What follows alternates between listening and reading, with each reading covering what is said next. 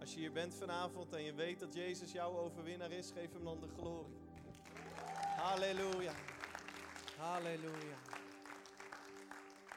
Prijs de naam van de levende God. Ik moet me voorstellen, anders denken jullie, wie is die man die met die microfoon zo enthousiast daar staat te zijn? Dat is niet goed.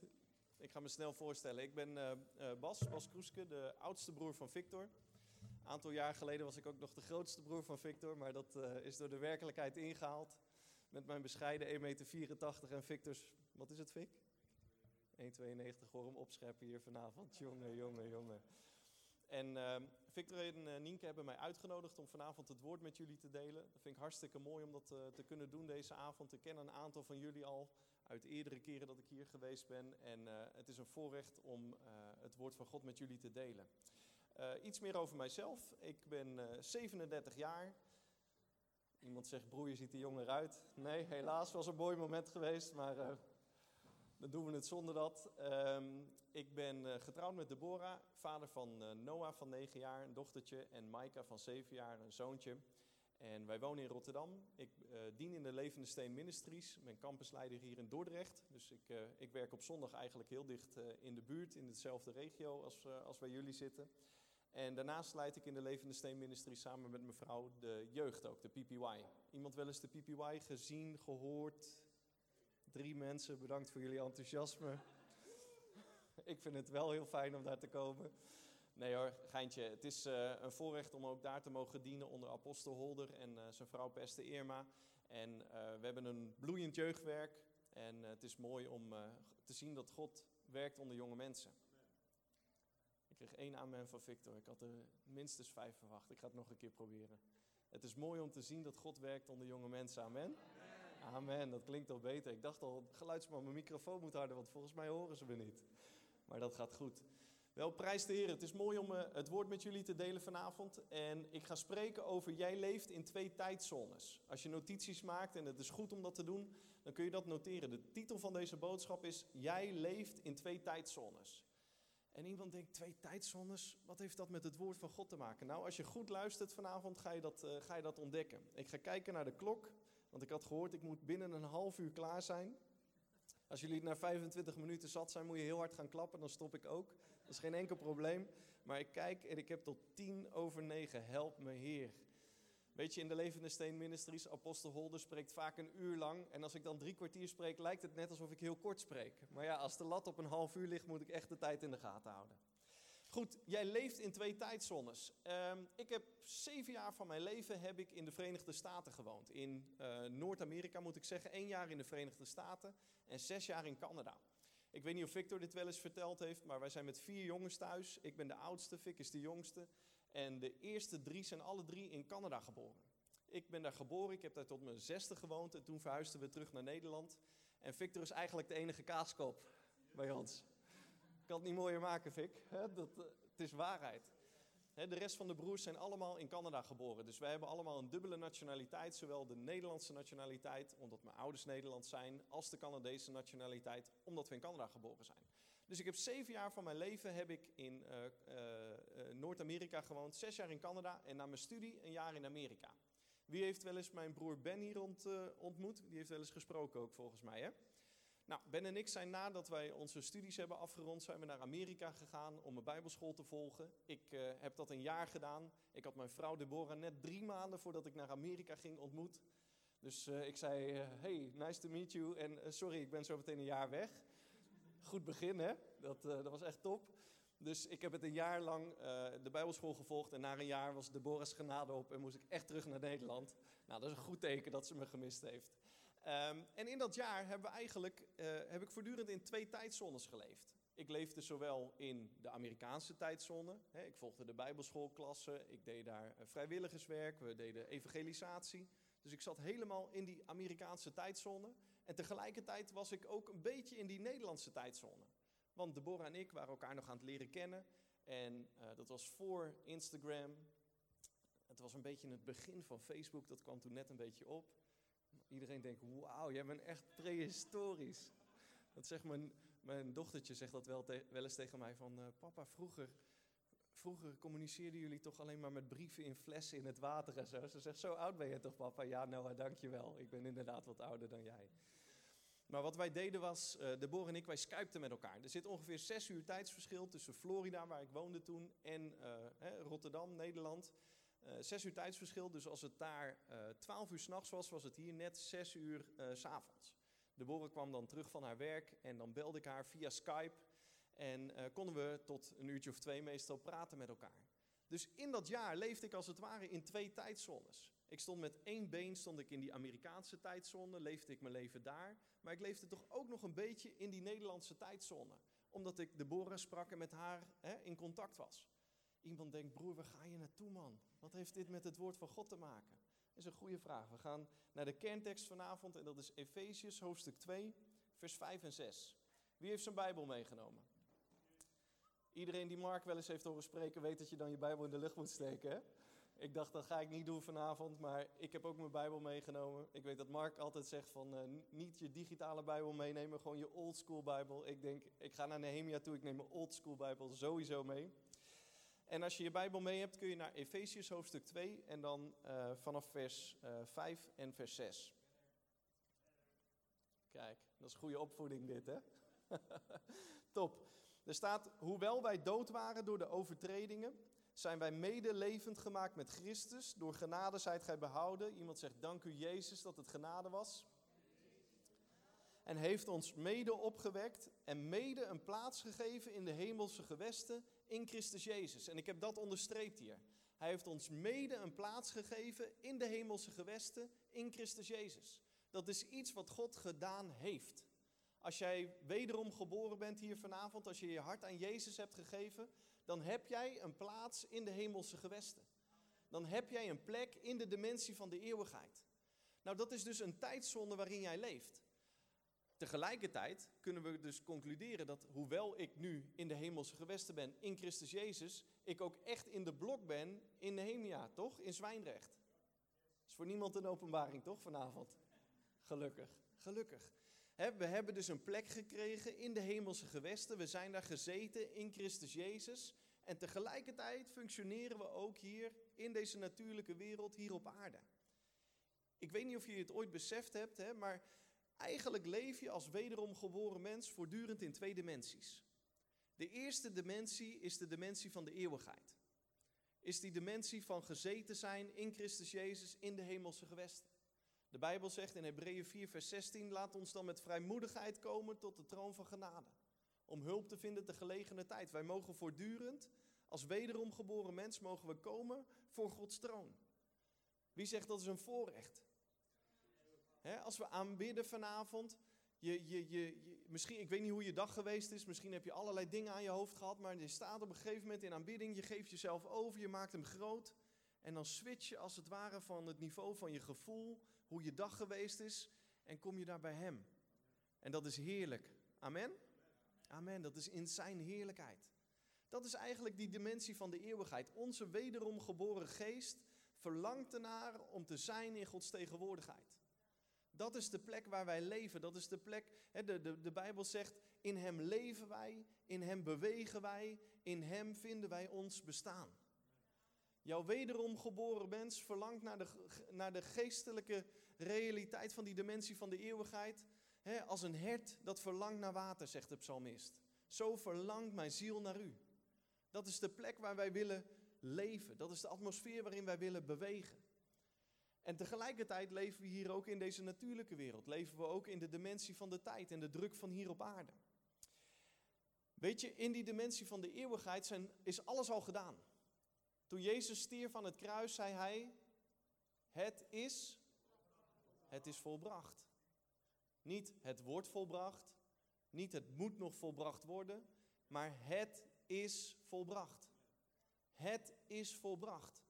In de dimensie van de eeuwigheid geldt, het is volbracht.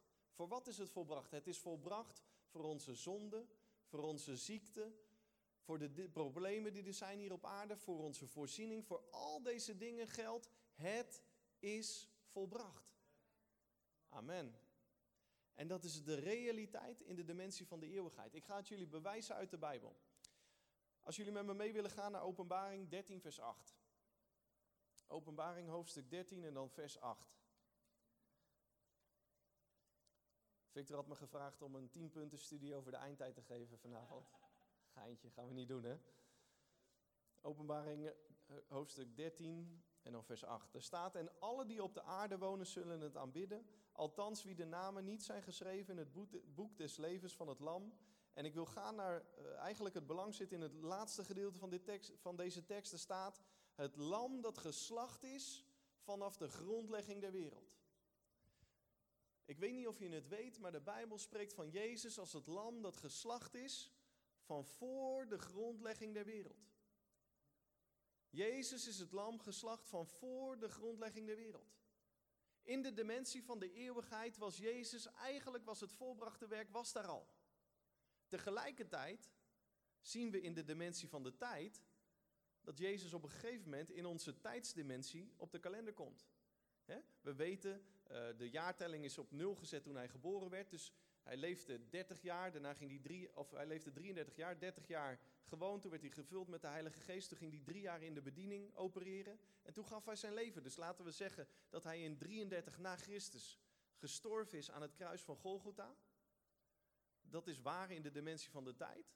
En toch op grond van het woord van God geldt dat Jezus is het lam geslacht van voor de grondlegging der wereld. Dit schudt misschien iemands theologie vanavond en dan is het goed. Als dit je theologie schudt, dan was het nodig de tijd dat het geschud ging worden. Weet je, we hebben soms een verkeerde mindset dat we denken dat, dat God moest anticiperen op de zondeval.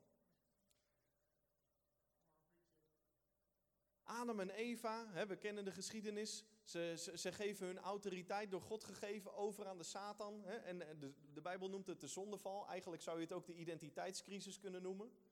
Want ze handelden niet naar, naar hun door God gegeven identiteit. En heel veel mensen denken, omdat we denken als, hè, in, de, in, in, van A naar B, omdat we zulke natuurlijke wezens zijn en gebonden zijn aan tijd, dat God toen opeens, hè, dat er stress was in de hemel, dat er een vergadering was tussen Gabriel, de God de Vader, de engelen, de, nog wat meer engelen erbij, van oh help, het is misgegaan op aarde, laten we een, hè, een plan verzinnen om dit probleem op te lossen. En dat God er 2000 jaar over deed om, dat, uh, om met een plan te komen. En uiteindelijk in 33 na Christus werd dat plan geëxecuteerd. Dat zou de duivel heel groot maken en God niet zo groot. De realiteit is, Jezus is het lam geslacht van voor de grondlegging der wereld. God is alwetend, alziend, almachtig.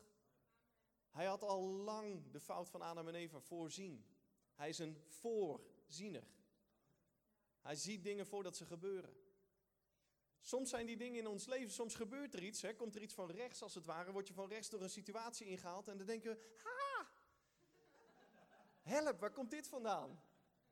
En dan denken we, oh, hè, dat, dat er misschien in de hemel ook een crisisoverleg is weer. Hoe krijgen we dit probleem opgelost?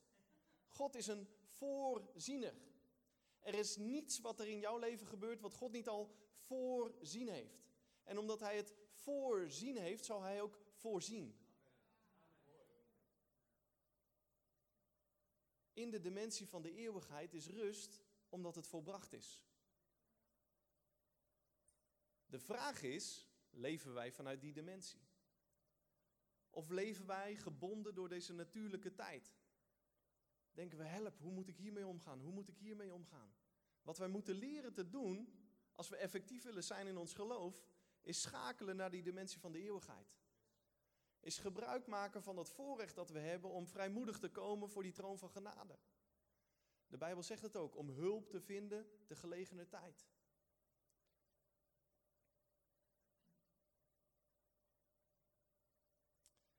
Gods natuur is, eigenlijk moeten we dat samen zeggen, Gods natuur is mijn natuur geworden.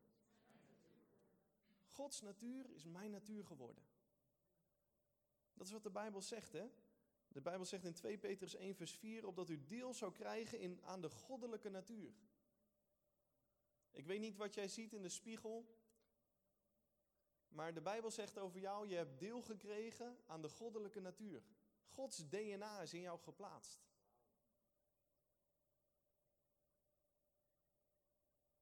Ik weet niet of dat is wat je ziet als je kijkt in de spiegel, maar dat is wel de waarheid van Gods woord over jouw leven. Je hebt deel gekregen aan de goddelijke natuur.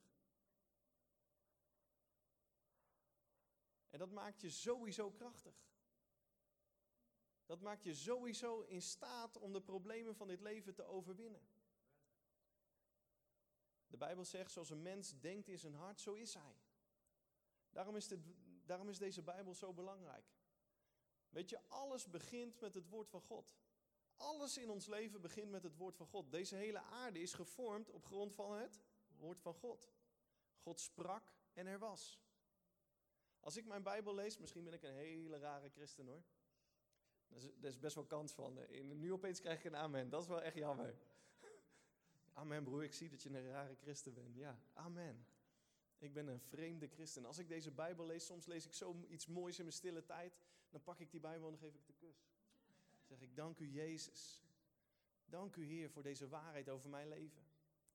Jezus heeft deze, deze ontwikkeling zelf ook doorgemaakt. Hè? Hij ging de Bijbel lezen en hij vond zichzelf als het ware in dat boek. Hij vond, hij vond zijn goddelijke identiteit in de bladzijden van het woord van God. Ook Jezus heeft zijn, hè, hij heeft zijn heerlijkheid afgelegd, zegt de Bijbel. Hij kwam hier, hij ontledigde, ontledigde zichzelf, hij kwam in de gestalte van een dienstknecht. En, en terwijl hij het woord las, las hij over zichzelf. Hij vond zijn identiteit in dit woord. Een christen hoeft nooit zwak te zijn in zijn identiteit. Je kan jezelf vinden in de woorden van de Bijbel. Je kan zien dat je deel hebt gekregen aan de goddelijke natuur en wat, en wat dat voor je betekent.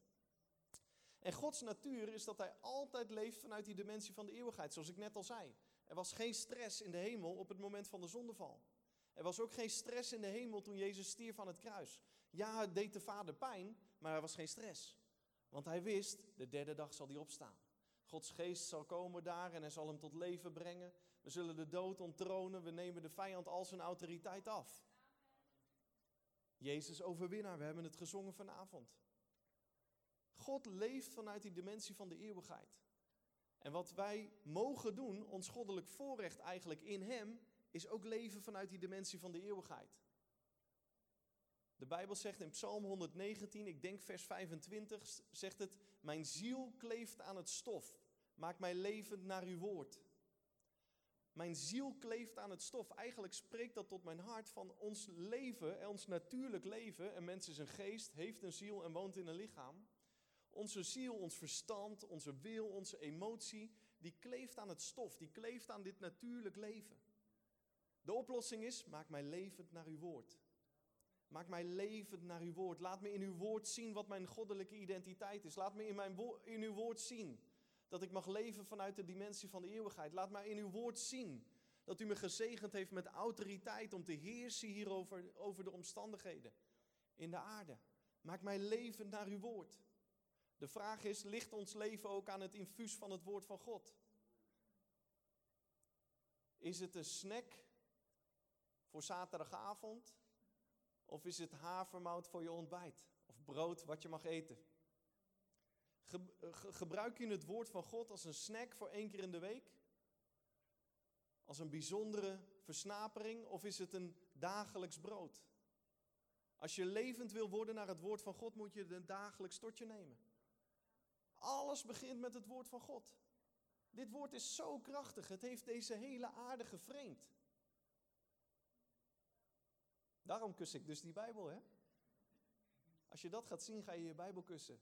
Ik zeg niet dat jullie allemaal je Bijbel moeten gaan kussen hoor. Laat mij die vreemde christen zijn. Maar het is een uiting van dankbaarheid, omdat ik weet dat hier leven in zit. Hier zit leven in. En Gods natuur wordt ook mooi beschreven in Jesaja 46, vers 10. Dat verklaart iets over Gods natuur, over zijn, het zijn van zijn, dat hij een voorziener is. En daar zit een krachtige les voor ons in vanavond. Jesaja 46, vers 10 zegt, die vanaf het begin verkondigt wat het einde zal zijn. Van oudsher de dingen die nog niet plaatsgevonden hebben, die zegt, mijn raadsbesluit houdt stand en ik zal al mijn welbehagen doen. Het is zo mooi, ik lees het nog een keer. Er staat die vanaf het begin verkondigt wat het einde zal zijn. Van oudsher de dingen die nog niet plaatsgevonden hebben. Die zegt, mijn raadsbesluit houdt stand en ik zal mijn welbehagen doen. God is een voorziener en hij spreekt wat hij gelooft uit. God sprak en er was. God sprak vanuit die dimensie van de eeuwigheid en er was in de dimensie van tijd. God sprak, laat er de aarde zijn en de hemel, laat er... Hij sprak en er, en, het, en er ging creatieve kracht uit. Nu hebben wij deel gekregen van de goddelijke natuur en als wij spreken zit daar ook creatieve kracht in. De vraag is, de Bijbel zegt, macht over leven en dood is gegeven in de kracht van de tong. Wie daaraan toegeeft, zal de vrucht daarvan eten. De vraag is, wat spreken wij? Spreuken 6, al was je verstrikt geraakt door de woorden van je eigen mond. Soms zijn christenen gewoon verstrikt door hun eigen domme gepraat. Is er nog iemand die van me houdt hier vanavond? Vicky moet me helpen zo meteen naar de deur. Al was je verstrikt geraakt door de woorden van je eigen mond. We moeten leren om te zien dat we deel hebben gekregen aan de goddelijke natuur en leven spreken met onze woorden. Beseffen dat als wij spreken, spreken we naar de geestelijke mens gerekend. Vanuit die dimensie van de eeuwigheid, vanuit de troonzaal van de hemel. Spreken met autoriteit. Als je spreekt met autoriteit, moet je ook waardig spreken. Je ziet dat in Den Haag, hè? Die bewindspersonen, die ministers, et cetera. Ze, ze, ze spreken altijd met dignity, met waardigheid, althans de meeste van ze. Ook zij hebben genade nodig. Er komt een bepaalde waardigheid over je heen als je weet, ik heb deel gekregen aan de goddelijke natuur. Ik heb een autoriteit gekregen, ik heb een verantwoordelijkheid gekregen. Als ik spreek komen dingen tot stand. En het is goed om dat te zien als christen. Weet je, het, het is mooi om te zien dat wij eigenlijk daardoor ook een voorsprong hebben over de vijand, over de duivel. De duivel is een schepsel en is als een schepsel eigenlijk onderworpen aan de dimensie van de tijd. Hij is gecreëerd, hè? Hij, hij bestond er niet, hij is gemaakt door God en hij is onderworpen aan de dimensie van de tijd. Dat betekent per definitie dat de duivel een opgever is. De duivel is een quitter. Hij is een quitter. Hij houdt het niet zo lang vol. Hij is onderhevig aan tijd. Hij wordt het op een gegeven moment zat. Wij leven vanuit de dimensie van de eeuwigheid. Daarom zegt de Bijbel in Jacobus 4, vers 7: Wederstaat de duivel en hij zal van u vlieden. Wat doen quitters? Ze vluchten. Hij is een quitter, hij vlucht. Alleen het is aan ons om hem te wederstaan. Het is aan ons om bij ons punt te blijven. Ik zei het voordat we begonnen vanavond in de tijd van gebed: van wie heeft ook wel eens iets dat je voor iets gelooft en dat het langer duurt dan dat je lief is? Mag ik je hand zien? Heb ik eerlijke christenen in de zaal vanavond? Ja, toch hebben we toch allemaal wel eens gehad? Dat je voor iets gelooft en dat je denkt: man, waar blijft het nu? Ja, toch? Ik weet nog, wij, wij, wij, waren aan het geloven voor een huis. Wij woonden, mijn vrouw had al een huis. Ik kwam terug uit Amerika. We zijn binnen een uh, jaar getrouwd toen. En ik ben bij haar ingetrokken in, uh, in, in haar woning. En het was echt een heel klein huisje. Het was 60 vierkante meter verdeeld over twee verdiepingen. Nou, dan weet je ongeveer hè, hoe klein die oppervlakte was. Is wel heel goed als je net begint met, uh, als je net getrouwd bent, je leert elkaar echt heel goed kennen. Echt heel goed.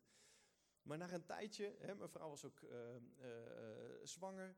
Ik zei tegen haar van, ons kind gaat hier niet kunnen lopen. Want ja, eer dat ze opgestaan is, twee stapjes, dat is de overkant van, van, de woonkamer, weet je wel. Er is er gewoon niet genoeg ruimte om überhaupt te leren lopen.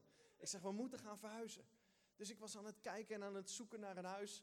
En ik, ik dacht, ik was, ik was zo klaar met die woning. Elke keer dat ik terugkwam van mijn werk, dacht ik, ja, dan heb je dat huis weer. Echt we noemden het ook een poppenhuisje. Echt een klein poppenhuisje. Ik denk, het is onmogelijk dat mijn kind hier leert lopen. Veel te klein. Dus ik was aan het zoeken naar een woning. Ik zat elke avond op Funda en ik was eigenlijk gewoon geïrriteerd met dat huis. Aan alle kanten geïrriteerd. Ik ben blij dat één iemand het grappig vindt, dit verhaal. Dat is bemoedigend. En ik was aan het zoeken en aan het zoeken. En ik leefde, hè, ik geloofde dat de God een goed huis voor ons had.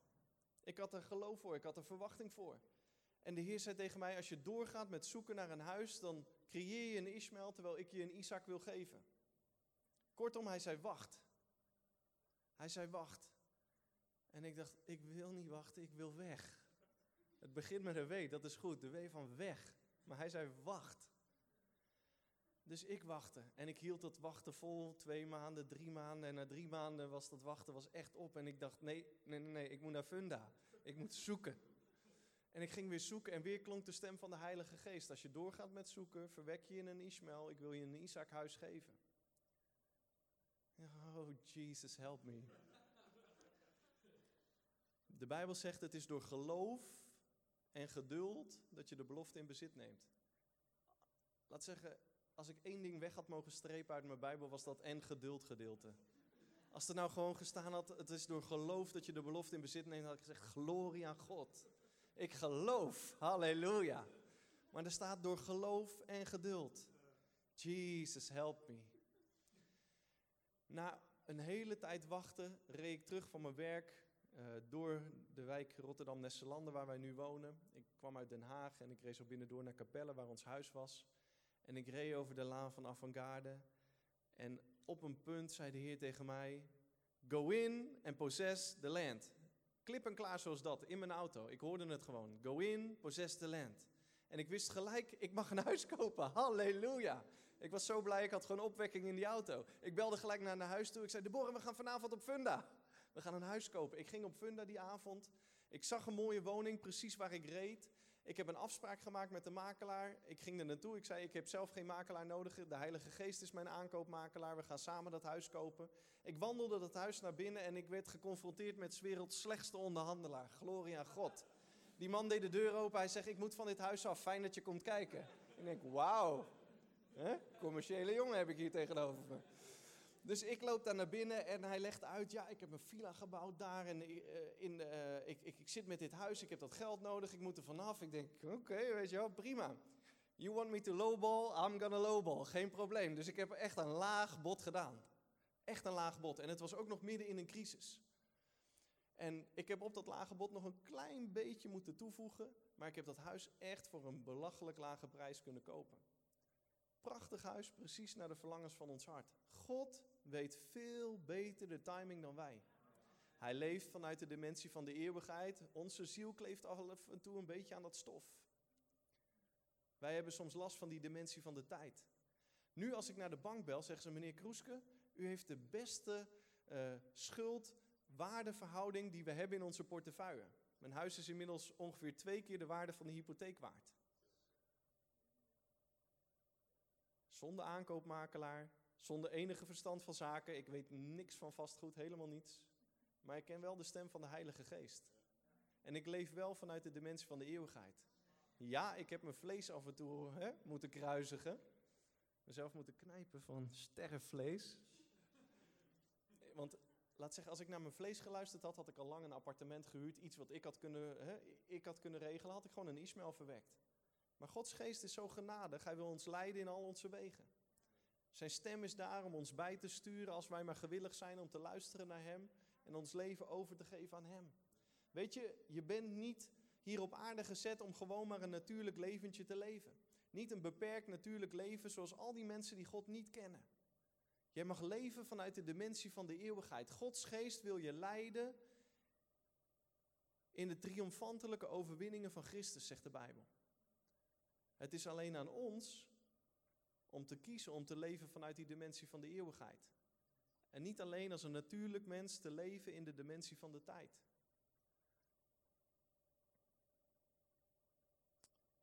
De tekst waarmee ik wil afsluiten, ik ga het gewoon halen, Fik. Glorie aan God. Hij zegt geen haast, nou dan vertel ik nog iets anders. Weet je, ik zat te denken over een voorbeeld, hoe kan ik dit nou duidelijk maken? Die twee dimensies, dat ze, tegen, dat ze naast elkaar staan. In bijbelschool hadden Ben en ik hadden een auto. Wij waren bijbelschoolstudenten met een auto. En dat was een uh, Mercury Cougar van ongeveer de tijd dat Jezus geboren werd. Die auto was paars, met verschillende kleuren paars. Je hebt mooi paars, dit was lelijk paars. De deur van die auto ging maar aan één kant open. Laat zeggen, de andere kant ging niet. Dus je moest eigenlijk over dat dashboard heen klimmen hè, om aan de andere kant te komen. Maar we hadden een auto. Glorie aan God. Als ik in dat jaar hè, vanuit Amerika naar Nederland was gekomen, had ik geen auto. Had ik met de bus moeten gaan, had ik moeten fietsen, had ik moeten lopen. En als iemand naar, naar mij toe zou komen, hè, terwijl ik in Nederland uh, was, en, uh, en die hadden me gezegd van, goh, uh, en ik had gezegd ik heb een auto, hadden ze gezegd, ja doei, Ik zie je in de bus zitten. Ik zie je lopen, ik zie je fietsen, maar ik zie nergens een auto. Ja, maar ik heb toch echt een auto. Nee, eh, ik geloof er niks van, Bas. Weet je wel, ik zie je met een fiets, ik zie je lopen, ik zie je met de bus. Hè, je loopt met je OV-kaart te zwaaien. Jij hebt geen auto. Jawel, ik heb wel een auto. Het is geen mooie auto, maar ik had wel een auto. En zo is het soms ook in ons christenleven. Soms in ons christenleven hebben we iets al reeds ontvangen in de dimensie van de eeuwigheid, maar het is nog niet zichtbaar in de dimensie van de tijd. De vraag is, naar welke dimensie spreken wij? En de fout die we als christenen heel vaak maken, is dat we gaan spreken naar de dimensie van de tijd. De Bijbel zegt, door zijn stream is mij genezing geworden. Ja, maar ik voel nog dit, ik voel nog dat. Ja, in de dimensie van de tijd. Maar vanuit de dimensie van de eeuwigheid geldt, het is volbracht. Als je kijkt vanuit de dimensie van de tijd, ik heb geen geld om een huis te kopen. Dimensie van de eeuwigheid, my God shall supply all of your needs according to his riches in glory by Christ Jesus. Mijn God zal u in alles voorzien. Dimensie van de eeuwigheid. Ik hoop dat deze boodschap je helpt om wakker te worden voor het feit dat je in twee tijdsdimensies beweegt. Dat je mag leven vanuit die dimensie van de eeuwigheid. Dat je mag spreken naar wat je hebt in die dimensie van de eeuwigheid. Dat je gaat spreken vanuit het is volbracht. Apostel Holder noemt dit de volbrachte mindset. De volbrachte mindset. Dat je gaat spreken naar die dimensie van de eeuwigheid, naar wat je hebt gekregen in Christus. En dat door je geloof gaat releasen in de dimensie van de tijd. Toen ik dat huis kreeg, toen het woord van God klonk in die auto, go in, possess the land, was dat een suddenly. Was een plotsklaps. Een suddenly is als de, wat er al beschikbaar is in de dimensie van de eeuwigheid, als het ware getransfereerd wordt naar de dimensie van de tijd. Suddenly. Suddenly, plotseling. Plotseling, en dat is wat we een doorbraak noemen. Een doorbraak is dat wat, wat we al verkregen hebben in Christus in de dimensie van de eeuwigheid, als, zich dat, als dat zich manifesteert in het natuurlijke. Dat is, een, dat is een doorbraak. En de Bijbel zegt: het koninkrijk van God breekt baan met geweld. En geweldenaars zitten op de bank met chips om te wachten tot in hun schoot geworpen wordt. Niet? Oh, dat is een andere vertaling misschien. Heel veel christenen leven zo. Weet je, die quote uit 2 Meningen 5 vers 12. Het dikke boek of opinions. Is niet de Bijbel. De Bijbel zegt het koninkrijk van God breekt baan met geweld en geweldenaars die grijpen ernaar. Grijpen ernaar. Waar grijp je naar? Naar wat je al hebt in de dimensie van de eeuwigheid. Je grijpt ernaar met je geloof om het zichtbaar te maken, plotsklaps. Hier in de dimensie van de tijd. Zo werkt geloof. Zo werkt geloof. En ik wil afsluiten, nu echt, met Marcus 11, vers 24. En daar, daar staat het zo mooi in de Amplified vertaling. Ik denk dat die er al staat, top. Er staat, For this reason I am telling you, whatever things you ask for in prayer in accordance with God's will, believe with confident trust that you have received them and they will be given to you. Weet je, deze tekst heeft ook die twee tijdsdimensies. Believe that you have received them. Waar? In de dimensie van de eeuwigheid. In de dimensie van de eeuwigheid heb je het ontvangen. Geloof dat gij het ontvangen hebt. Hebt. In de dimensie van de eeuwigheid heb je het ontvangen. And it will be given to you. You have received it. Voltooid tegenwoordige tijd. And it will be given to you. Wat zit daartussen? Doorbraak. Suddenly. Plotsklaps. Transfer vanuit die dimensie van de eeuwigheid in een suddenly, in een doorbraak in de dimensie van de tijd. Zo werkt geloof. Geloof neemt uit wat er beschikbaar is in het volbrachte werk door het sterven van Jezus aan het kruis. Waar dus geldt, het is volbracht. Niet er wordt gewerkt aan voorziening, maar het is volbracht. En strekt zich daarna uit om wat verkregen is in Christus ook zichtbaar te maken hier in deze natuurlijke tijdsdimensie.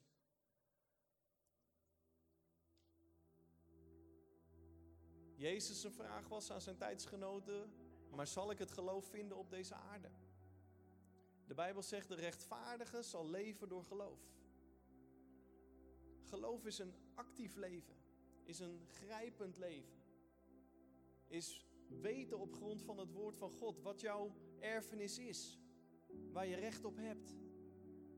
En dan opstaan zonder een minderwaardigheidscomplex en zeggen: Dank u Heer, ik ben een volbloed zoon en een volbloed dochter van u.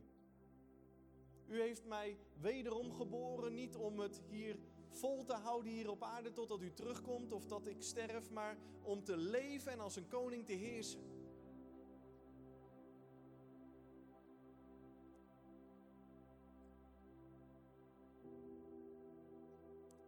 De vraag is, wil je er naar grijpen?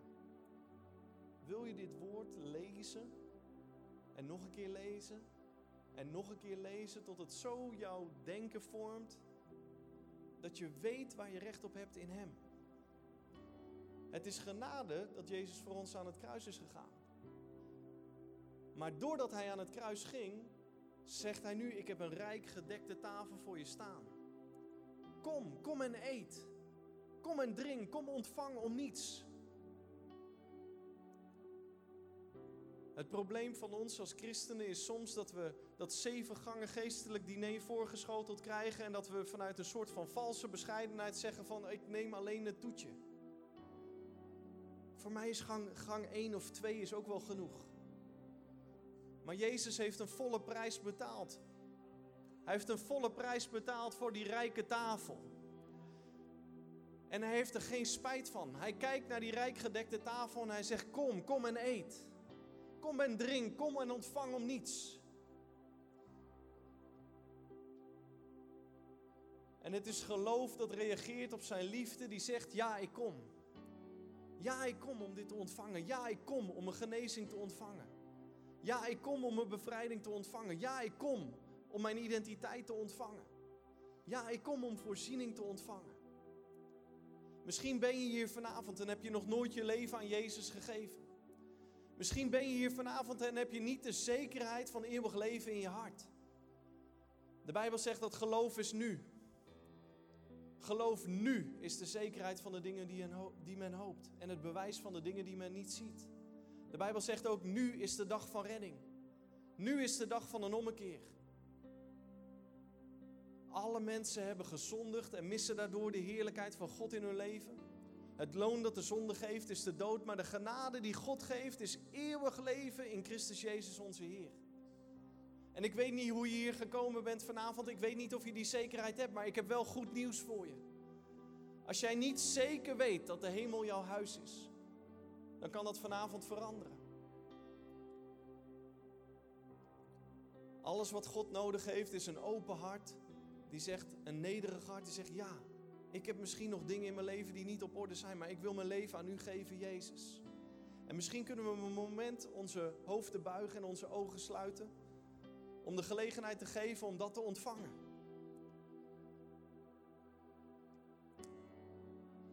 Is hier iemand vanavond die zegt: Ik wil mijn leven in orde maken met God?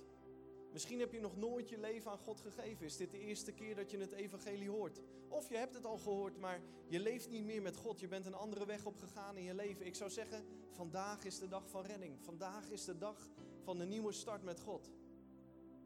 Als je zo hier bent vanavond, dan wil ik graag dat je op dit moment je hand opsteekt en zegt, ja, dat gaat over mij. Mag ik je hand zien als je dit wil ontvangen?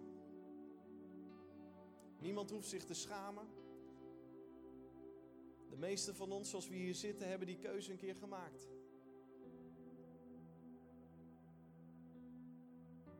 De Bijbel zegt: het is de mens eens gegeven te sterven en daarna het oordeel. God wil niet dat iemand verloren gaat, maar heeft wel nodig dat je je leven aan Hem geeft.